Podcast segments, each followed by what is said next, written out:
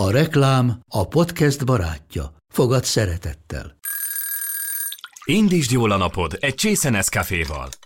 Élvezd minden reggel a gondosan pörkölt kávészemek telt ízvilágát, az Európában 100%-ban felelős forrásból származó kávéból készült Nescafé klasszikkal. Tudj meg többet fenntarthatósági törekvéseinkről a nescafé.hu oldalon. Nescafé. Új lehetőség minden csészében. Ez reklám volt, jó volt.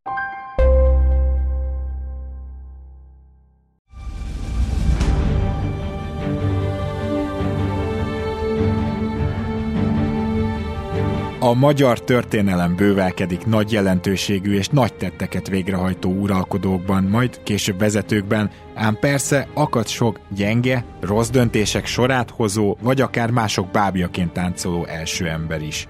Ha mindegyikre nem is tudunk sort keríteni, a nagy magyar uralkodók sorozatban jó párral megismerkedhetünk.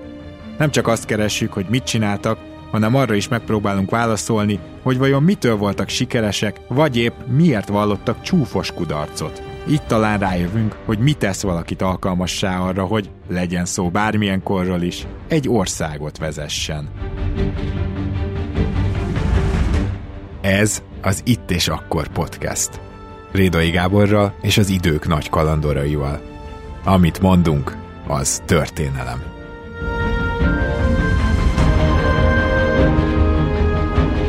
Sok szeretettel köszöntünk mindenkit az Itt és Akkor podcastben. Most folytatódik egy megkezdett hagyomány, mert hogy ugye a magyar uralkodók, illetve később miniszterelnökök, stb. értékelése, meg megismerése jó indítás volt szerintem Mátyás királya, és most pedig egy hasonlóan, azt gondolom, utólag is nagyon népszerű és nagyra tartott királyunkkal folytatjuk a sort, aztán majd ígérem, jönnek azok is, akiket majd lehet igazán szidni, de ez az adás azt hiszem, hogy nem egy ilyen valakiről szól, ugyanis harmadik Béla lesz a, a mai megismerni való királyunk, és harmadik Bélával kapcsolatban mindenképpen fontos elmondani, hogy nagyon egyöntetűen ott van a, a top uralkodók között, tehát itt azért vele szemben, ha már így pontozunk a mai adásban, akkor elvárások is vannak, de hogy ennek az elvárásnak majd meg tud-e felelni harmadik Béla így utólag, sok száz év távlatából, mert mégiscsak a 12. században járunk majd, hát az kiderül, és akivel kiderül, az nem más, mint Bácsacsai Dániel, aki a BTK Történettudományi Intézet Intézetének munkatársa. Köszönöm szépen, hogy elfogadtad a meghívást, szervusz! Én is köszönöm, hogy itt lehetek, szia! Na, hát szerintem, hogyha harmadik Béláról beszélünk, akkor talán az mindenkinek a történelem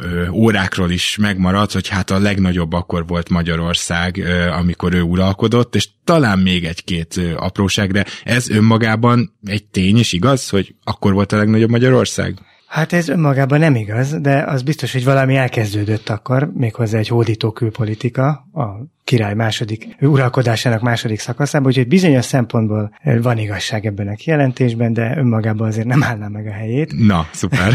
Akkor már, már is egy ö, ö, dolgot meg tudunk cáfolni. Na most csak így bemelegítőnek megint az lenne, mint a Mátyás adásnál, hogy pár dolgot így felhoznék, és kérlek, hogy válaszolj csak ilyen ö, rövid válaszokkal, hogy megismerkedjünk kicsit ma harmadik Bélával, mert nem biztos, hogy mindenki most lapozta fel a történelmkönyvet. Az első kérdés nagyon vicces, de tényleg nem tudjuk, hogy pont pontosan mikor született? Mert azért ott az ő környékén lévő királyoknak nagyjából tudjuk a születési dátumát, tehát miért, miért van az, hogy pont neki nem? Hát valójában a többi királynak sem tudjuk a születési dátumát. Nagyon ritka, hogy feljegyezték volna valakinek a születési dátumát ezekben az években. Nagyon kevés a forrásunk, és ha visszatekintünk arra a kijelentésre, hogy harmadik Béla a legnagyobb középkori uralkodónk, vagy az egyik legnagyobb királyunk, akkor azért ennek a magyarázata, magyarázat lehetőségek között ott van az is, hogy lehet, hogy azért van ez, mert olyan keveset tudunk róla. Oh. Tehát, hogyha az ő belpolitikájáról, vagy a, az ország történetének évről évre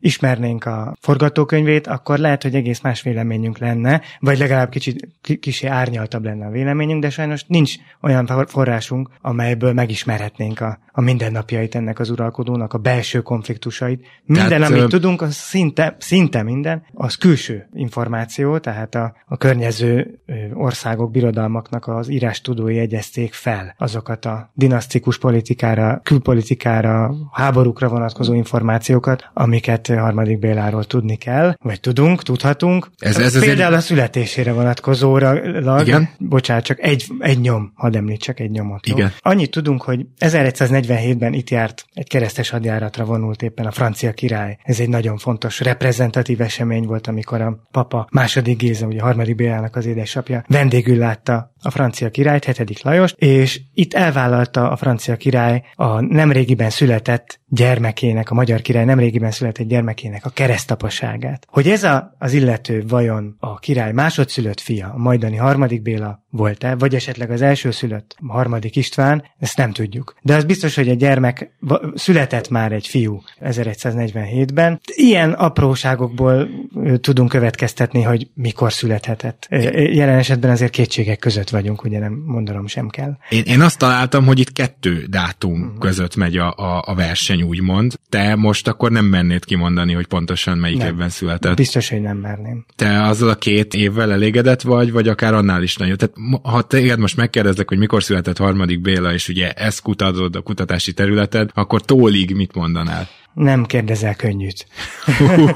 nem, biztos, hogy 1147 előtt köttetett a házassága a Euphrozinak kievi hercegnővel, ugye az édesanyja az akkor került a magyar udvarba, tehát uh-huh. onnantól 1147-ben már megszülethetett. Akár. akár. De az De is lehet, hogy csak 50-ben született? Meg? Még az is lehet. Így van, még az is lehet. Az biztos, hogy, hogy a 60-as években, 63-ban már kamasznak kellett lennie, vagy legalábbis közel járt a kamasz éveihez, amikor Bizáncba került, a bizánci udvarba. Ez, ez, ez az, amit feltételezhet. Igen, meg ez egy fontos nyom, mert akkor azt tudjuk, hogy az ifjú korát töltötte ugye ott. Na de ne szaladjunk ennyire előre, mert mondtál itt valamit, hogy, hogy milyen külső források. Tehát azért ez mondjuk tudom, hogy ez akkor a területed, és mondjuk nem Mátyásé, de azért Mátyáshoz képest itt még ég és föld, nem? Tehát Mátyásnak saját krónikása volt, stb. Tehát onnan azért ilyen szempontból sokkal többet tudunk. Igen, de azért az sem ritka, hogy ebben a korszakban valakinek saját krónikása legyen. Például második Gézának volt és őt megelőző magyar királyoknak is volt valamiféle krónikása. Sajnos önálló formában nagyon ritkán, sőt egyáltalán nem maradtak fönn ezek a művek. Van egy 14. századi krónika kompozíció nevű elképzelt alkotás, ez a képes krónika néven talán jobban ismert. Ebben vannak azok a rétegek, a, körülbelül a 12. század utolsó évtizedeig igen részletes leírást ad a magyar történelemről, a magyar uralkodók történetéről. Nagyon sokféle krónikás rajta hagyta a keze nyomát, újra és újra átszerkesztették ezt a művet. Úgy tűnik, hogy harmadik Bélának nem volt vagy nem maradt fönn a harmadik Béla féle krónikásnak a műve, pedig egy magára valamit adó király azért mégiscsak megbízott egy írástudót azzal, hogy ő dicsérje az ő tetteit. Egy írástudót azonban mégiscsak köthetünk harmadik Bélához, és ez Anonymous. Anonymous nem is akárki. Nem is akárki, akkor, így van, aki nem, a, nem biztos, hogy ő a megbízó, de minden esetre egy időben Anonymous az ő szolgálatában állt, ez igen bizonyosnak tűnik, és nem a, az uralkodó pályáját tárja elénk, hanem a honfoglalása regényét írta meg Anonymous, mint ez köztudott. Igen, erről is majd egyszer külön adást kell, hogy csináljunk egyébként majd Anonymusszal kapcsolatban, de van egy olyan kérdésem, amire valószínűleg akkor csak találgatni tudunk, de ugye ők összesen heten voltak testvérek, tehát Béláék, és ha jól tudom, akkor talán három fiú, négy lány. Lehet tudni, hogy ez négy, milyen... Négy fiú. Négy fiú, három lány, bocsánat, igen, akkor ezt csak összekevertem, de, de lehet tudni, hogy ezt a testvéri kapcsolatot mennyire tartotta fontosnak, egyáltalán az, hogy ilyen sokan voltak testvérek, és feltételezhetően ők azért attól, hogy sokan voltak testvérek, relatíve jól éltek, tehát hogy ez nem okozott náluk nyomort, azért ezt mégis elmondhatjuk, mint hogyha egy akkoriban hét gyerekes család az meg valószínűleg ugye nehéz helyzetben volt. Szóval azt akarom kérdezni, hogy szerinted az, hogy ilyen sokan voltak, az volt erre hatással, illetve megmutatkozik-e például a későbbi hozzáállásában, akár politikailag, akár az emberekhez, vagy, vagy éppen pont a versengés miatt, tehát hogy kell ezt elképzelni, mert most így itt, itt is lehet egy kicsit trónokharca irányába menni a képzeletben, hogy akkor ők állandóan versengtek. Tudunk értem erről a valamit? Kérdést, értem. Az a helyzet, hogy a gyermekkorukról nagyon információnk nincsenek. Tehát az, hogy valamiféle kisgyermekkorra visszamenő féltékenység, vagy hogy valaki jobban kötődik a mamához, vagy a papához, erről hát csak az a későbbi események tükrében tudunk nyilatkozni. Az biztos, hogy amikor harmadik Béla hazatér és trónra kerül, akkor nagyon gyorsan szembe kerül Géza nevű öccsével, és Eufrozina, ugye az édesanyjuk, az öccsöt, Gézát támogatja valamilyen okból kifolyólag. Itt nyilvánvalóan érzelmi szá- egy anya esetében itt érzelmi szálakról lehet szó, hogy miért áll mellé. Az, hogy a, a többi testvérhez milyen volt a viszony, a harmadik Istvánhoz nevezetesen, ezt nem tudjuk. Itt azért azt jegyezzük meg csak a hallgatóknak, hogyha esetleg ez már nincs meg a törikönyvből, hogy harmadik István volt egy rövid ideig király, és aztán... Tehát... Tíz évig király volt valóban, tehát ő volt az, aki a legidősebb volt a testvérek közül, és az ő halála után került trónra harmadik Béla, kerül haza ugye Bizáncból, vagy a bizánci birodalomból, szabatosabban fogalmazva, és Géza a harmadik testvér, aki úgy látszik nem nagyon lázadozott harmadik István uralma ellen, tehát közöttük lehet, hogy még persze fiatal volt ekkor, nem volt alkalmas arra, hogy trónkövetelőként léptethessék föl harmadik István ellen, akinek amúgy is volt elég baja a nagybátyjaival. Igen, ugye két ellenkirály volt gyakorlatilag. Van, egy éven belül az öreg király második Géza halála után ugye az öccsei bizánci támogatással megpróbáltak trónra kerülni Magyarországon, ez sikerült is nekik, de nagyon hamar összeomlott az itteni támogatásuk, úgyhogy második László meghalt, negyedik Istvánnak távoznia kellett az országból. A, a lényeg a lényeg, hogy nem tudjuk, hogy, hogy milyen kapcsolatban lehettek a, a fiúk. Talán Géza herceg ekkoriban még nagyon fiatal volt, és nem fordult szembe harmadik Istvánnal. Harmadik Bélával szemben azonban már ellenzékként lehetett fölléptetni, ugyanis azért nem mindig arról van szó, hogy hogy ős ellenségek lettek volna a testvérek, vagy valamilyen megoldhatatlan konfliktus állt volna fenn közöttük, ami esetleg a családi életből következett volna, személyes gyűlöletre kell itt gondolni, hanem az az igazság, hogy amikor egy Árpádházi herceg megszületett, akkor már lehetett arra számítani, hogy a, az ur- uralkodó ellenzéke hamarosan megtalálja magának, és körülötte fog kikristályosodni egy olyan ellenállás, ami, ami a, a majdani uralkodóval szemben egy, egy ellenzéket jelenthet lehetett. Uh-huh. Tehát akkor itt voltak érdekcsoportok, akik azt várták, hogy ugye mikor lesz vége a harmadik István uralkodásának. Ott van bármilyen összeesküvés elmélet esetleg, vagy, vagy ő meghalt? Mit tudunk erről? Van összeesküvés elmélet. Mindig igen. van. Nagyon izgalmas a történet, ugyanis éppen 1172-ben jár erre két Szentföld felé tartó herceg, az egyik az osztrák herceg, második Henrik, a másik pedig oroszlán Henrik, aki Barbarossa Frigyes német-római császár egyik legkomolyabb ellenlábasa, komoly angol kapcsolatokkal rendelkező száz herceg és bajor herceg, akik éppen akkor érkeznek Esztergom várába, vagy városába, amikor az uralkodó meghal. Tehát nem kapnak méltó fogadást, érthető okból, és az Esztergomi érsek bízzák magukat, ő lesz az, aki gondoskodik a tovább kísérésükről az országot, hogy biztonságba tudják elhagyni, úgyhogy ekkor már fölreppen a hír, hogy esetleg megmérgezhették harmadik István, de erre vonatkozólag konkrét bizonyíték nem áll rendelkezésre. Na hát ez, ez a témához ma még visszatérünk, megígérhetem a hallgatóknak, viszont most kerülünk el abba az állapotba, hogy ugye Béla trónra lépne, de hát muszáj picit erről a bizánci ö, ott létéről beszélgetnünk, mert egyrészt erről egészen komoly történelmi emlékeink vannak, hogyha jól tudom, másrészt pedig az ő Bizánca való kapcsolata aztán egészen különleges volt olyan szempontból is, hogy az uralkodása felénél inkább szembefordul Bizánccal, miközben közben kicsit Bizánc segíti őt hatalomra, tehát akkor azért ez egy nagyon jelentős hatás volt az életében a bizánci ott tartózkodás.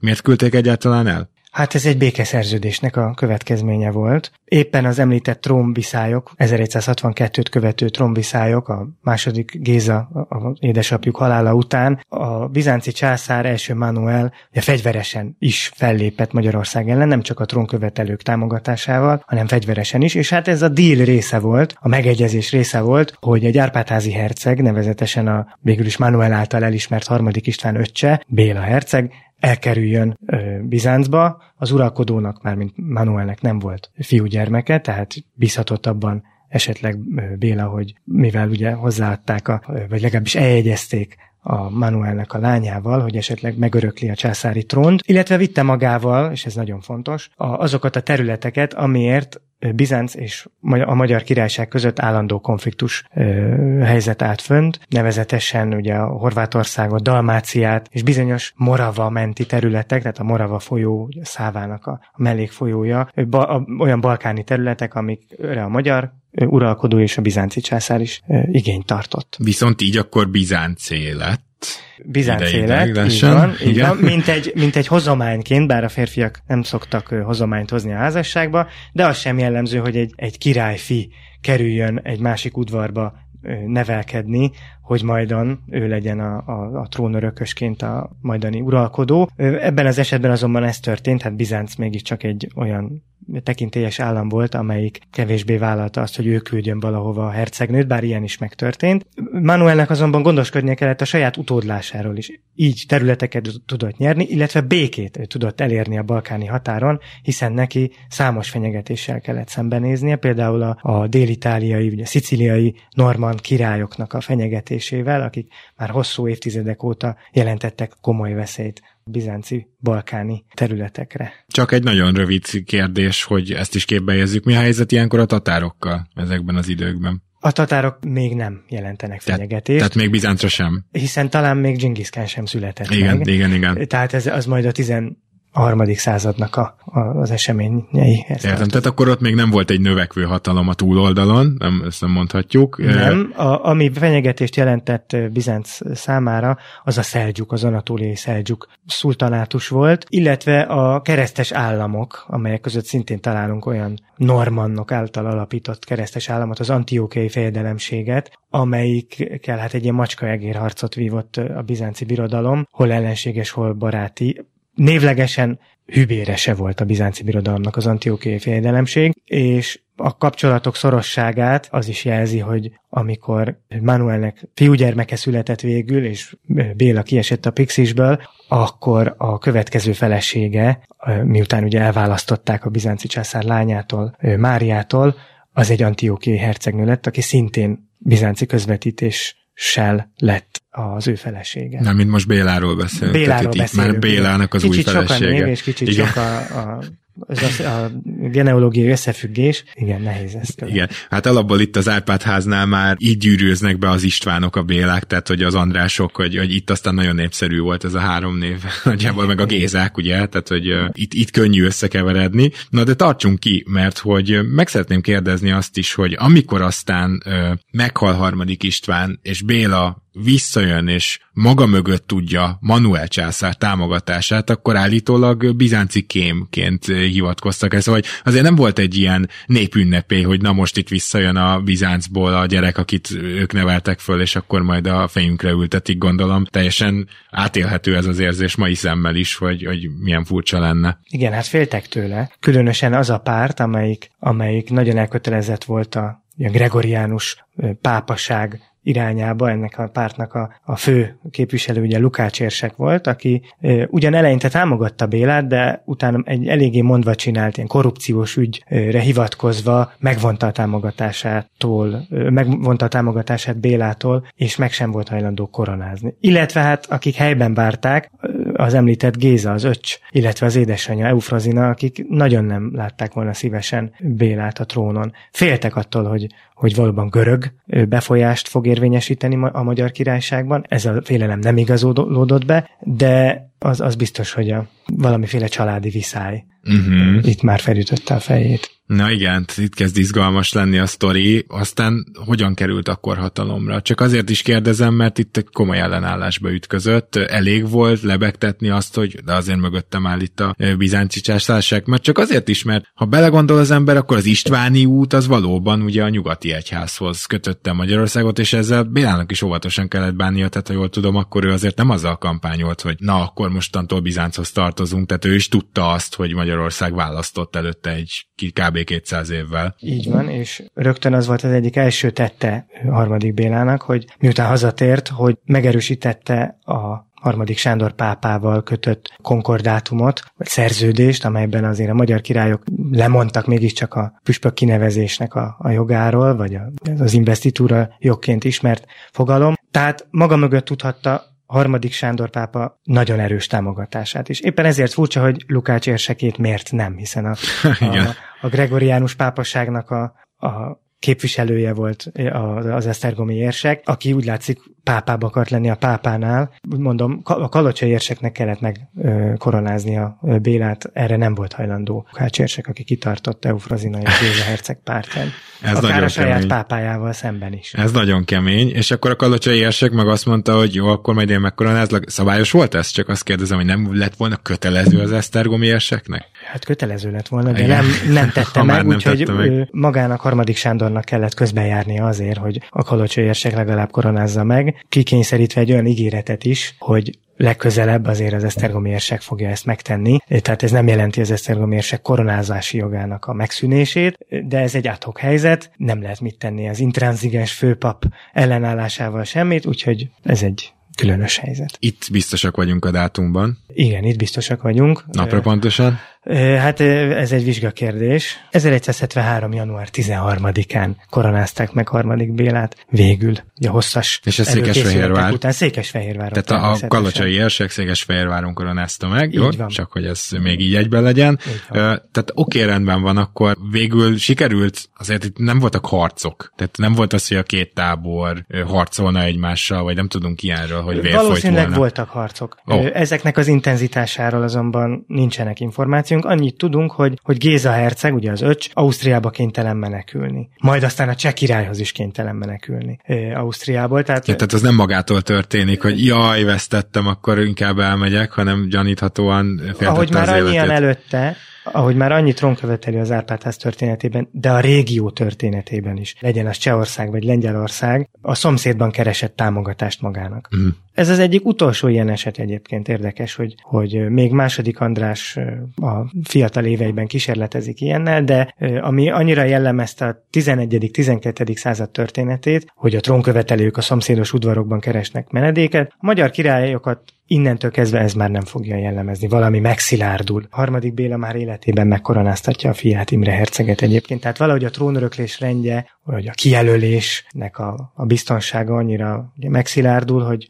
hogy nincs szükség, vagy nem lehet kétségbe vonni az utód személyét. Egy valami biztos, hogyha ma, és tényleg ez teljesen aktuális, szinte lehetetlen egyszerre jobban lenni kelettel és nyugattal, vagy nyugattal és kelettel. Mert, mert olyan szembenállások vannak, sajnos ugye a mostani aktuálpolitikai, illetve hadászati események ezt tovább erősítették. De harmadik beállnak sikerült. Tehát, hogy ez már majd egy kicsit a pontozásos részhez is hozzájön ez a válaszod, de mégis megkérdezem, hogy már itt rögtön az elején ügyelt erre? Tehát ő, ő tisztában volt azzal, hogyha itt mindenkivel jóba tud lenni, akkor Magyarország a prosperálás időszaka elé néz? Bizonyára így volt, de azért a kezére játszott a történelmi helyzet is. Uh-huh.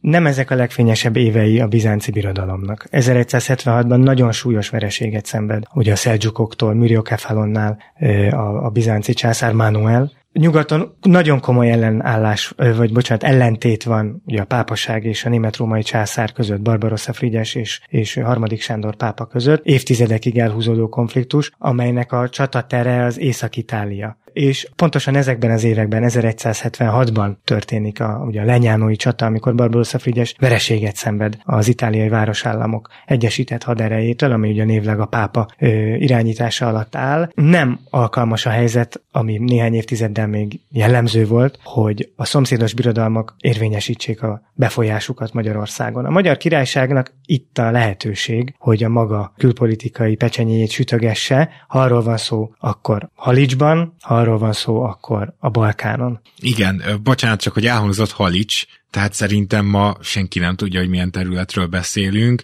Ez ukrán, lengyel, határ környéke? Hogy lehet Halics ez belőni egy, ma? Egy város, egy nagyon komoly vár, középkori vár rendelkező város, manapság persze már nem olyan jelentős város, orosz részfejedelemségnek a központja volt. A Kárpátok lábánál tulajdonképpen, vagy nagyon közel a Kárpátoknak az észak-keleti lejtőihez. Ez a legnyugatabbi orosz részfejedelemség. És volt egy két év, azt hiszem, amíg harmadik Béla Halicsot is a magyar korona alá tudta venni? Hát ez már az 1180-as évek világába vezet el minket. Igen, az történt, mint oly sokszor máskor is egyébként a 12. század történetében, hogy a magyar uralkodó a halicsi rokonai mellett avatkozik be fegyveresen. Ezúttal azonban minőségileg más a magyar királynak a politikája, hiszen nem elégszik meg azzal, hogy a, az általa favorizált orosz ö, uralkodót támogassa, vagy aki az ő rokona, hanem a saját fiát, András herceget helyezi a Halicsi trónra, vagy legalábbis uh-huh. kormányzónak. Ez azért egy nem olyan kis terület, tehát most egy várost mondtál, de azért e körül van egy ország is. Van egy ország, azért nem annyira nagyon nagy ország. Ah, Ezek a részfejedelemségek nem olyan nagy területűek, hogy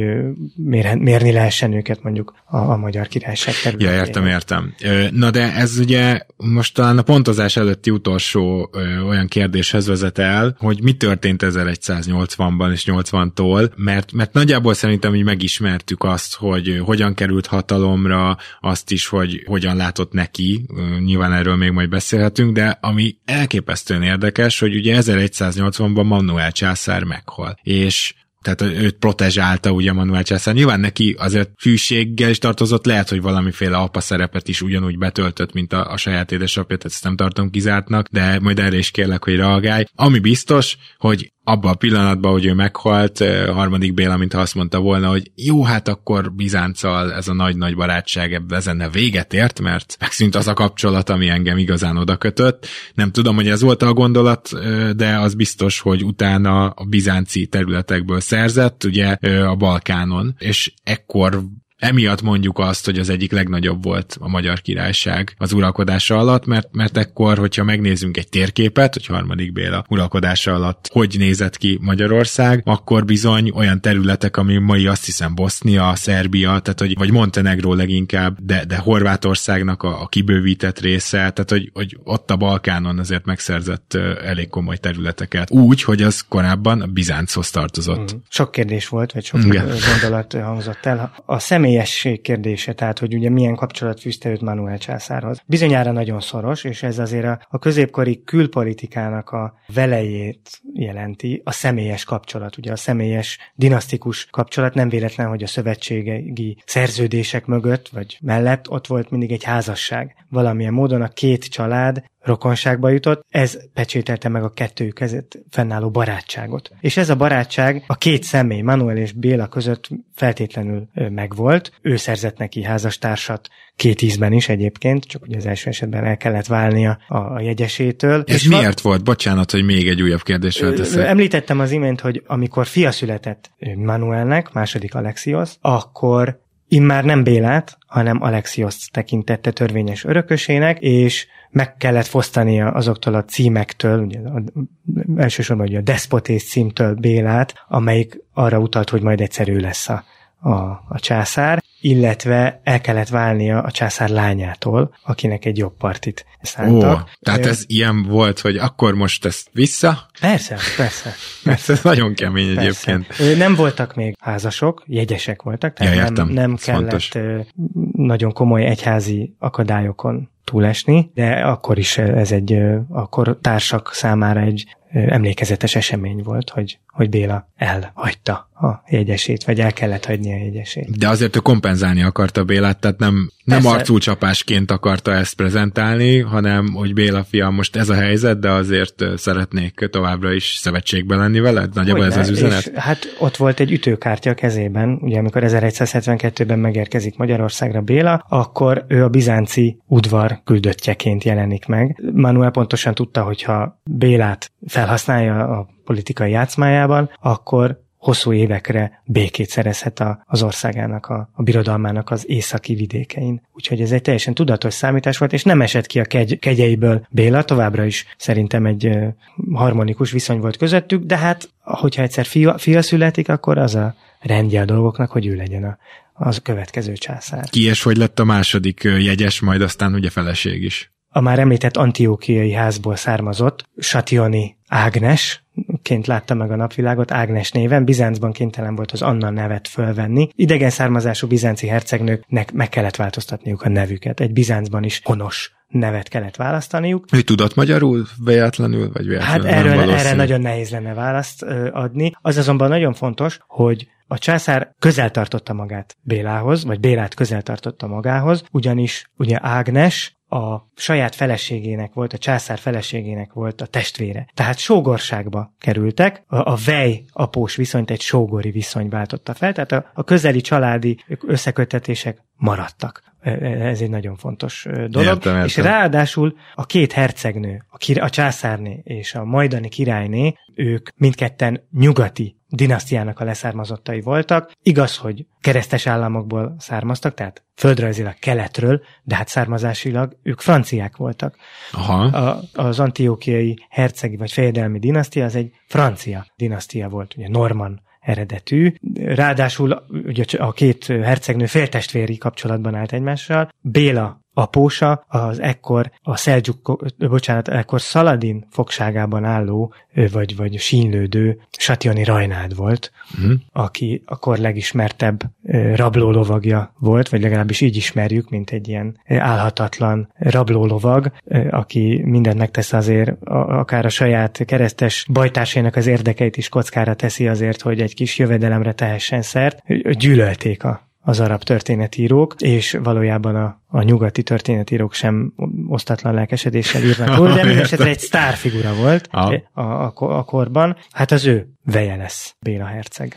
Vissza fogunk még térni a nőügyekre, de 1180-hoz térünk vissza, tehát akkor Manuel meghal. Igen. És Béla egyből vált, egyből Bizánctól szerez területet. Nekem ez még középkori logikával is tudom, hogy nem lehet a mai, nem tudom, erkölcsöt logikát számon kérni az akkori uralkodókon, de, de akárhogy nézem, picit fulának tűnik. A személyes kapcsolat megszűnik, innentől kezdve a sógorsági viszony nem áll fönt, ez bármely középkori uralkodó úgy orvosolta volna, hogyha valóban szeretné föntartani a szövetségi viszonyt, hogy tárgyalásokat kezdeményez, újabb családi kapcsolatot létesít. Ebben az esetben ez nem történt meg, nem lehetett lelkismert furalása Béla, Her- vagy már Bélának, harmadik Bélának. Tulajdonképpen olyan területeket szerzett először vissza, amelyek hosszú idő óta a magyar királyok fennhatósága alatt álltak. Hiába volt ez vita kérdése mindig a bizánci birodalommal. Horvátország, Dalmácia, úgyhogy nem tehetett magának szemrehányás, azt gondolom, uh-huh. király. Értem. Jó, tehát akkor ő elment a Balkánra hódítani. Igen, igen, hát... Még nagyon kellett vett, hódítani? Tehát így... Hát, itt egyrészt hódítás van, olyan területek visszaszerzése, amelyek a magyar koronához tartoztak, a intitulatúrájában is a magyar királyoknak ott van. Dalmácia, Horvátország, már ugye Kálmán, igen, Kálmán király óta, tehát ebben semmi meglepő nincsen. Azonban Béla király odaáll a bizánci birodalommal szemben lázadó szerbek mellé, meg a bolgárok mellé is, tehát ott bábáskodik ezeknek a, az országoknak a függetlensége mellett, amely egyértelműen ellenséges lépés. Igen. Egyértelműen ellenséges lépés, és végül is 1185-ig eltartanak ezek a háborúk Bizánccal, amikor megköttetik az a béke, amely családi kapcsolattal is megpecsételtetik. Béla király a leányát, Margitot adja feleségül a Konstantinápolyi, bocsánat, a bizánci császárhoz, aki immár nem a Komnénosz dinasztiának a tagja, Iszákios Angelos, Angelos János bizánci császár, és maga Béla is megkéri, azt, megkéri arra, hogy a, az egyik rokonát, Teodórát adja hozzá feleségül. Hiszen Mert akkor, hogy egy évvel korábban... Akkor már megözvegyült igen, szegény igen, Béla, szegény. de erre nincs lehetőség, ezt a bizánci egyház mereven ellenzi, hogy ilyenfajta esküvőre sor kerüljön. Bizánci hercegnőt nagyon nehéz volt szerezni. Ó, értem. Tehát az, az egyáltalán nem volt evidencia, hogy egy bizánci hercegnő, főleg aki a... Nem volt a, elég jobbra húzni, mi? Nem, így van. Főleg aki a az uralkodó dinasztiának a tagja, az nyugati házastársat kaphasson magának, vagy bármely nyugati uralkodó arra számíthasson, hogy ő bizánci hercegnőt nyerhet fel. Szóval akkor 80-tól 85-ig háborúzgatnak, így mondom, hogy gatnak, de gondolom azért itt komoly vér is folyt, tehát hogy ezek már, ezek már nagyobb lélegzetvételű háborúk lehettek. Igen, vélhetőleg igen. Ugye ez a háborúskodás, ennek a háborúskodásnak az eredményeként Szófia városa is magyar kézre kerül, egy erekét is sikerül így zsákmányolni a harmadik Bélának, ugye a Rilai Szent Jánosnak az erekét, amit Esztergomba vitet.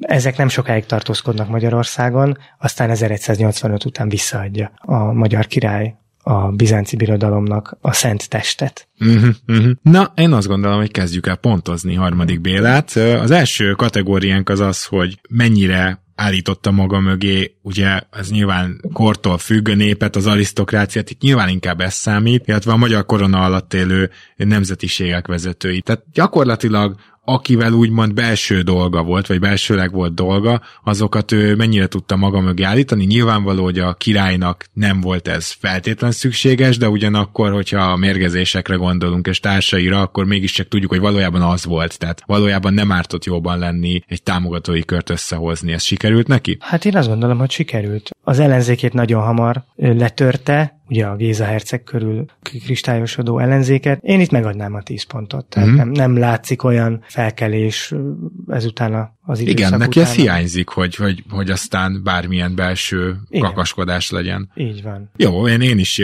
10 pontra gondoltam, hogy itt nagyon hamar meglettünk. Tehát ugye felkelések leverés, egyáltalán a belső diplomácia is, de, de tényleg őróla nem tudjuk azt, hogy lett volna ilyen problémája. Van ilyen két pont, és én szerintem uh-huh. itt is meg fogja kapni a maximumot, uh-huh. ami, ami valahol érdekes. Nem tudom eldönteni, hogy milyen ember lehetett, de abba biztos vagyok, hogy ő neki a népszerűsége az már, az már az ő saját korában is nagy lehetett, mert ugye ismerjük azt, hogy azt hiszem második András, aki, aki az unokája, jól számolok? A fia, a fia. Ja igen, tehát második András a fia, bocsánat, akkor második... Ne, de negyedik Béla. De negyedik Béla, az unokája, igen, az már teljes példaképként hozza fel őt, tehát hogyha ha közvetlen utána lévő években már nagy királynak és példaképnek tekintenek, és ez azóta se változott ráadásul, uh-huh. akkor én azt gondolom, hogy a népszerűsége az kiemelkedő volt még a magyar, akár Árpádházi királyok sorában is. Egyetértek, tehát valószínűleg azért, mivel nem volt neki krónikaírója. Az uralkodásának a mindennapjéről keveset tudunk. Negyedik Béla még emlékezhetett rá, bár személyesen nem ismerte, de elmesélésekből tudta, hogy ki volt a nagypapa, tudta, hogy egy jelentős uralkodó volt, ezért aztán van egy olyan oklevel, amiben Nagy Bélának nevezi, tehát egyértelmű. Azonban utána Béla, harmadik Béla teljes feledésbe merült. Tehát azt gondolom, érdekes. Hogy, hogy igazából nem is volt viszonyít, nem is nagyon viszonyult hozzá senki. 19. század fedezi föl magának, amikor látják, hogy hiába nincs belső keletkezésű elbeszélő forrás erről az uralkodóról, azonban a külföld, az egykorú források nagyon hangosak az ő dicséretétől, úgyhogy a 19. század és a 20. század fordulóján egy nagy gyűjteményes kötet is napvilágot lát, a harmadik Béla emlékezete címmel, amelyben egy, egy európai kapcsolatokkal rendelkező széles látókörű, a 12. századi reneszánsz kiemelkedő uralkodójának beállított a harmadik Béla áll előttünk, úgyhogy az utókor talán csak a 19. századtól kezdi ilyen nagyra méltatni őt, de valóban a kortársak meg nagyon szeretik.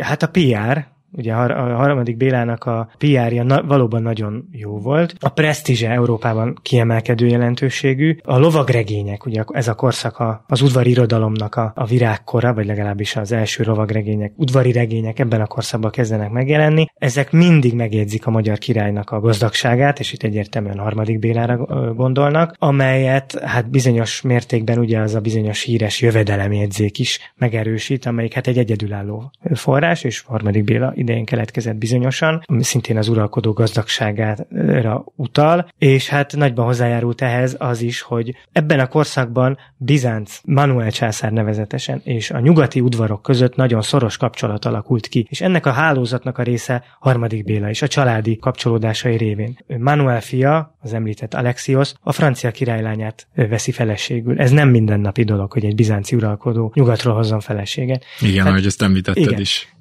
A fordított fordítottját említettem, de igen, igen, ez, is, ja, igen. Ez, ez sem mindennapi. Ez, ez sem mindennapi. Ez sem mindennapi. Itt én azt gondolom, hogy a két, pont, két pluszpontunkat harmadikből meg fogja kapni. Megkaphatja. Ahol nem biztos, hogy maximum pontot kap, de biztos, hogy magas pontot, azok a külpolitikai sikerek. Ugye külföldi kapcsolatok, ország hatalmi pozíciójának kiterjesztése, ez, ez fantasztikus, tehát erről gyakorlatilag végigbeszéltünk, és azt kell, hogy mondjuk, hogy mi, miért ne kapna tizet, ugyanakkor ne felejtsük el azt, hogy egy-két olyan hódítása is volt, amit aztán gyorsan elvesztett. Igen, Tehát azért... én, én nagyon-nagyon nagyra értékelem azt, hogy az ő uralkodás alatt nem járt ellenséges sereg a, a magyar királyság területén, tehát ez egy abszolút pluszpont. Valóban nem sikerült minden hódítást megtartani, adjunk neki kilencet? Igen, én erre gondoltam, hogy ez nagyjából egy kilenc pont, de egyébként egészen elképesztő sikereket ért el, és erről tényleg most részletesen beszéltünk. Hadi sikerek, területszerzés, ország megvédelmezése, azt hiszem ez a szempont inkább ide jön igen, majd. Igen. Tehát, hogy ugye a hadi sikerek, nem, nem volt olyan túl sok háború itt. Egy volt, ami, ami végül kikényszerített egy egész jó dílt 1885-re, amiről beszéltünk, 1185-re. Igen. 800-at mondtam, még 1185 aztán, aztán azért az 1190-es években, 1180-as évek második felébe is folytatódtak a balkáni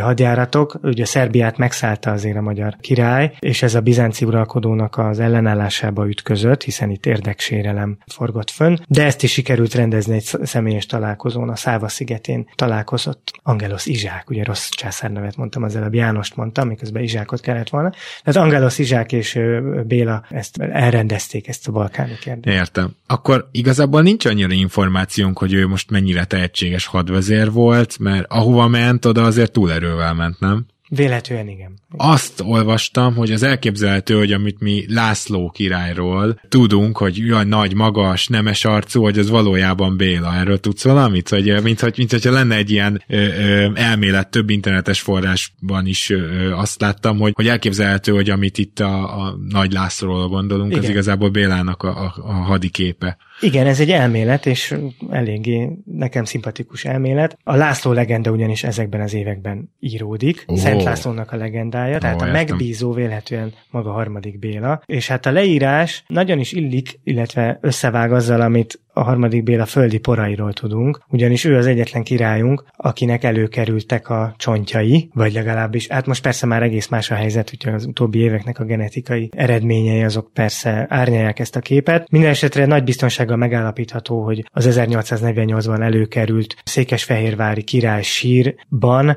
harmadik Béla és a, az első felesége nyugodott, Antiókiai Ágnes. Bocsi, lejeltheti ez azt, hogy őt esetleg szerette is? Mert ugye egy politikai házasságokról beszélünk, de azért ettől még egymásba tud szeretni két ember. Hát és... erre vonatkozóan sajnos nem tudok. Persze, ez csak én gondolkozok itt, hogy mondani. miért temették mellé? Hát nem nagyon volt más választás. Ja, értem. Tehát itt az... A, az a helyzet, hogy általában a királynét a király mellé temetik. Hogyha a királyné hal meg előbb, akkor a királyt mellé temetik, hogyha a király hal meg előtt, akkor a királynét temetik mellé. Ebben az esetben Antiochia Ágnes halt meg előbb, és a második feleség a francia király lánya, ugye Capé Margit, aki egyébként az angol trónörökösnek az özvegye volt, tehát itt egy angol szál is felfedezhető, csak jóval később, 1197-ben, már 1196-ban halt meg Béla, Igen. és egy évvel később a Szentföldön halt meg Margit, tehát nem temethették őket egy Értem, sírba. értem, értem. Na ez is jó kusza. Minden esetre én azt gondolom, hogy itt a hadi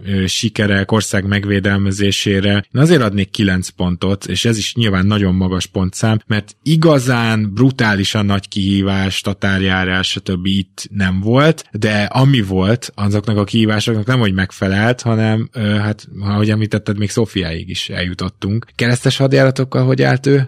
Járt keresztes hadsereg, hadsereg az ország területén. Barbarossa Frigyes nagy seregével teljes biztonságban és komoly protokollális rendezvények kíséretében nagy esztergomi fogadás, gyönyörű sátrat adományozott a, a királyné, Margit királyné, a ugye Barbarossa Frigyesnek, tehát áthaladtak békében az országon, ebből nem volt botrány, mint annak idején Kálmán idején, amikor az első kereszthasadjáratnak a különböző kontingensei lépték át a magyar határt, tehát ez egy siker, diplomáciai siker is. Abszolút, jól, jól szervezett jól szervezett volt. volt. Mind a fogadás, mind a, a, az érkező seregek is meglehetősen fegyelmezettek fegyelmezetnek mutatkoztak. Ez, ez szerintem a mai analógiával úgy lehetne elképzelni, mint ahogy ilyen hídelemeket szállítanak át az országon, nem, hogy akkor ott meg kell szervezni minden egyes lépést, és csak, csak ugyanezt képzeljük el több ezer ember, és több hát tízezer emberrel.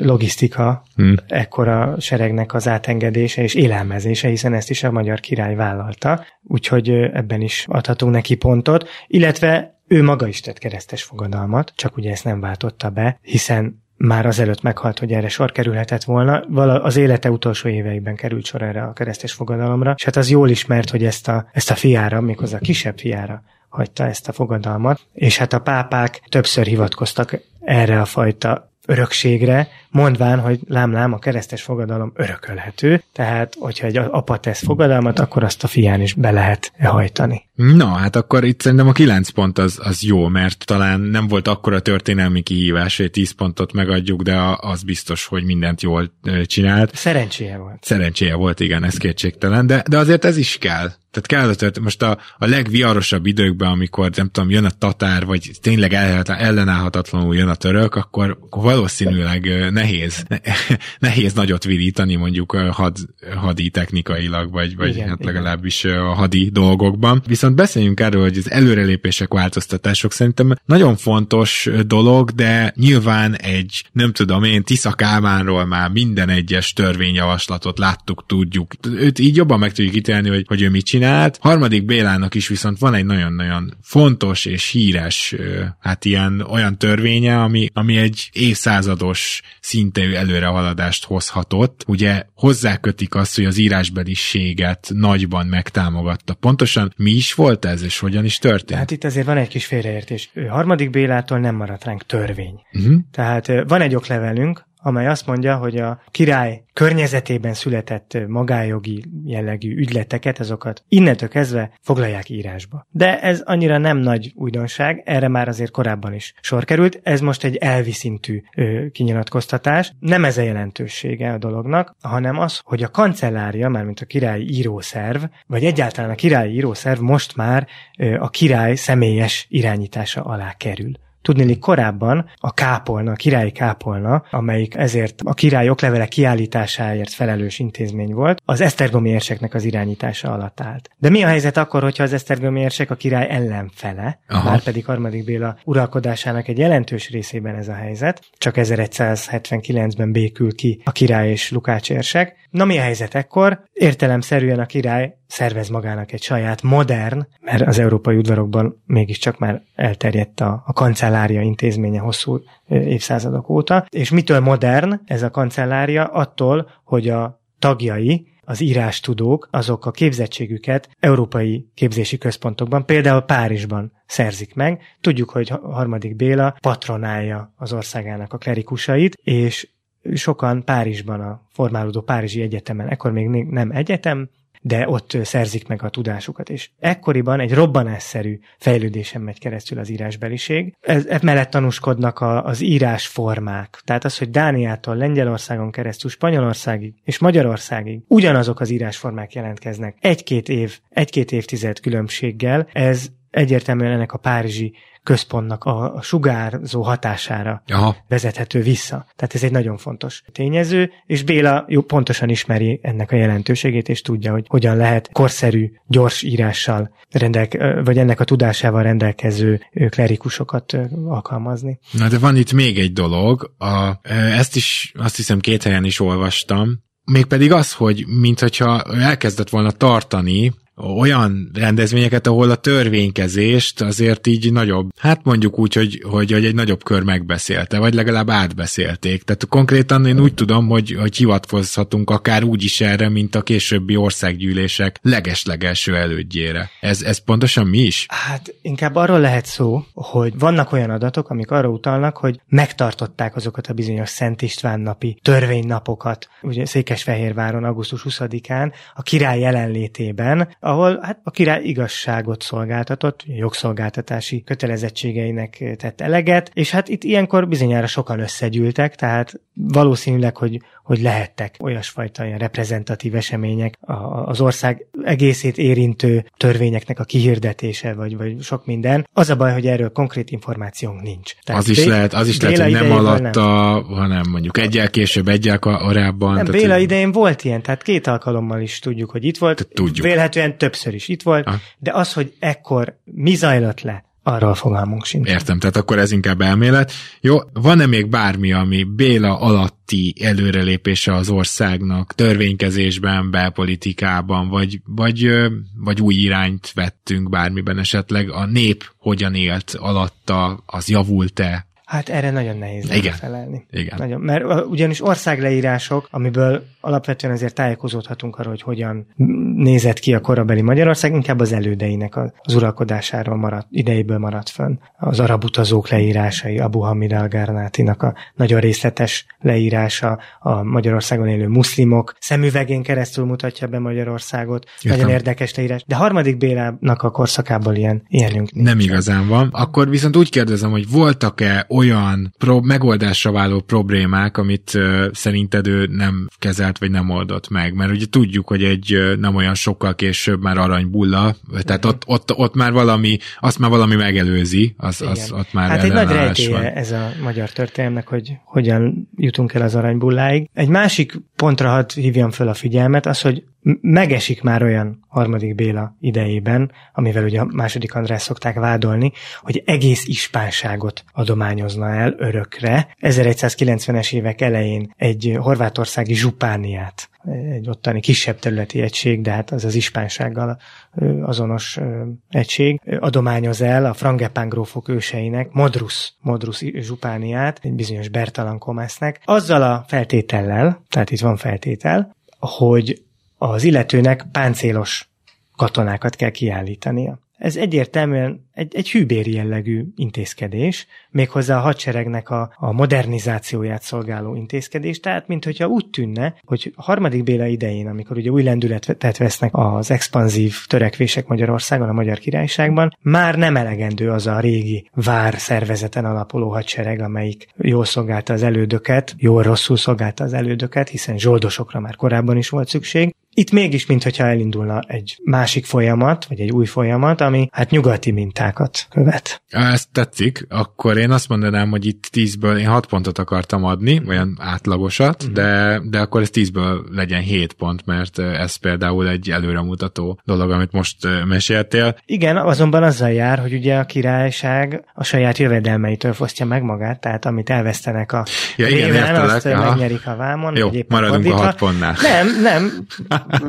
Lehet, hogy ez a pontozás itt kevésbé értelmes, de, Igen, tudom. de jó, oké, legyen, legyen akkor hat. Igen, egyébként eddig ugye hihetetlenül teljesít harmadik Igen. Bélánk. Mennyire volt példakép, mennyire élt példás életet? Na most azt gondolom, hogy a kevés forrás ellenére itt viszont valószínűleg tudsz majd mit mondani, hiszen róla vele kapcsolatban járt itt nem tudom, egy német-római császár, tehát hogy róla azért mondtak dolgokat, plusz azt is látjuk, hogy közben meg a testvérével összeveszett, tehát ki tudott békülni például a- az érsekkel is, tehát hogy bizonyos emberi viszonyokra azért tudunk következtetni, nem? Inkább arra tudunk következtetni, hogy jól egyensúlyozott, hogyha arról volt szó, akkor Aha. a különböző nagyhatalmak között jól egyensúlyozott. Előnyös oldaláról próbálta az országát mégiscsak megmutatni. Német-római császár pozitív élményekkel távozhatott a magyar királyságból, bár azért a bizalmatlanság levegője is jelen volt a kettejük találkozójakor. Az angol királlyal, a francia királlyal állt levelezésben úgy volt, hogy az angol király, aki szintén megígérte, hogy keresztes hadjáratra megy, Magyarországon fog átvonulni, a magyar király rendelkezésre akarta bocsátani az ország a gazdagságát ezen a ö, ö, alkalommal, tehát egy nagyon pozitív képet sugárzott a saját országáról.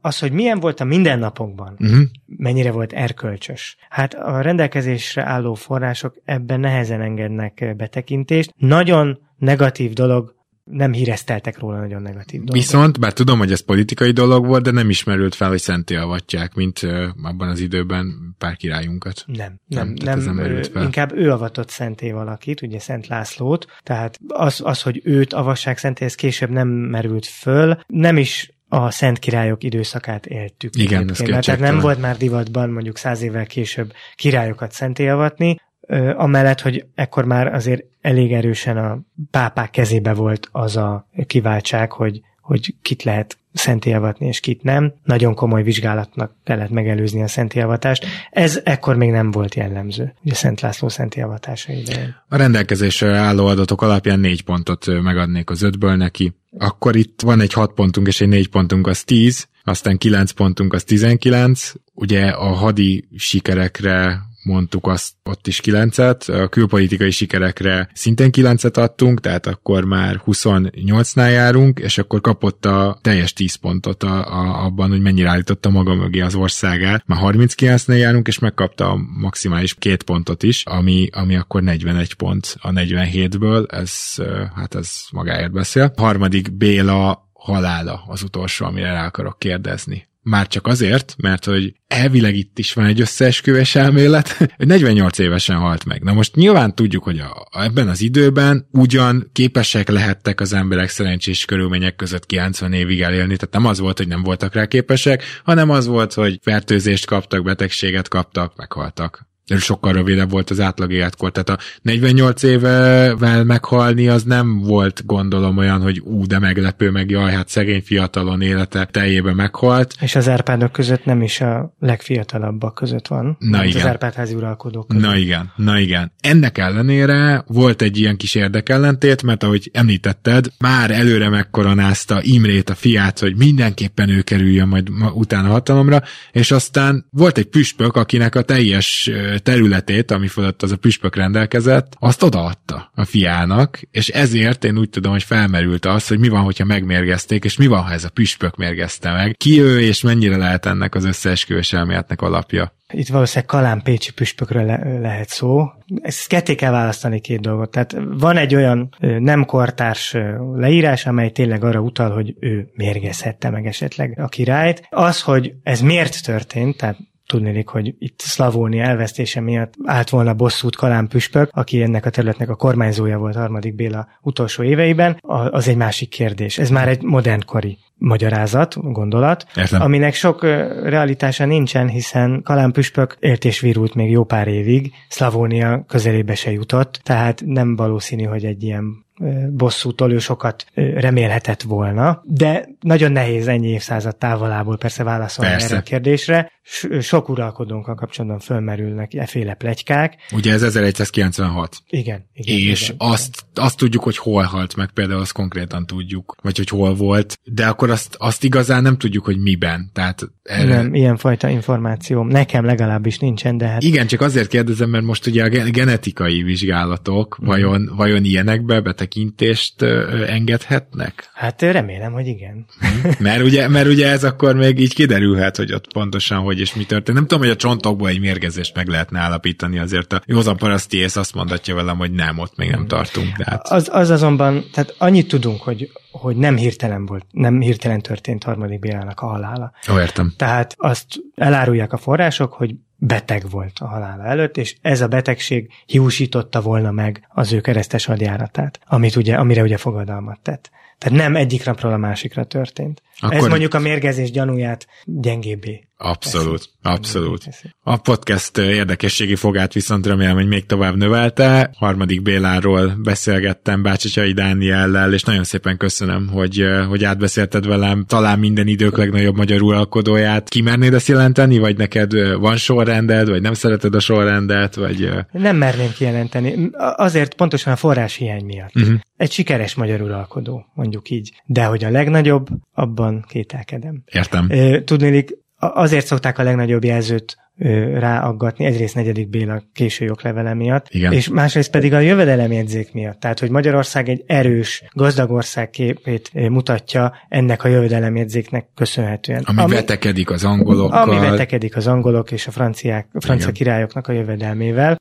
Más kérdés, hogy ez egy pillanatfelvétel, ráadásul egy kicsit torz pillanatfelvétel. Második Géza hasonló kimutatást lehetett volna összeállítani, szerencsénkre éppen harmadik dél keresett magának Angliában feleséget, ez egy angol kódexben maradt fenn ez a kimutatás, és ott a történelem szerencsésebb, kevésbé pusztító fordulatainak hála megmaradt ez a, ez a Értem, kódex. értem de kellenek ilyen szerencsék, hogy megismerkedjünk. Például harmadik Bélával, ahogy ma megismerkedtünk, szóval még egyszer köszönöm szépen, hogy itt voltál. Én is köszönöm. Kedves hallgatók, mi pedig megyünk tovább, természetesen a jövő hetekben is érkezik az Itt és Akkor podcast többször is, most viszont búcsúzunk, búcsúzik Rédai Gábor, a segédszerkesztő Katona Csaba, és producer párosunk Román Balázs és Hampuk Rihárd. A jövő héten is tartsatok velünk, amit ma mondtunk, az viszont már történelem. thank you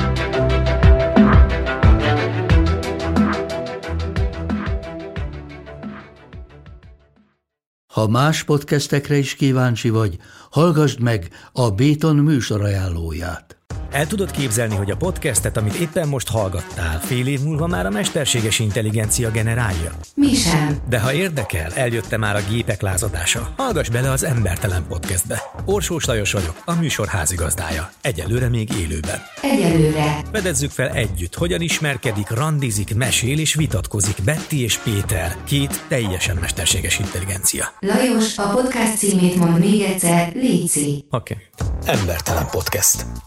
Ez egy Béton podcast.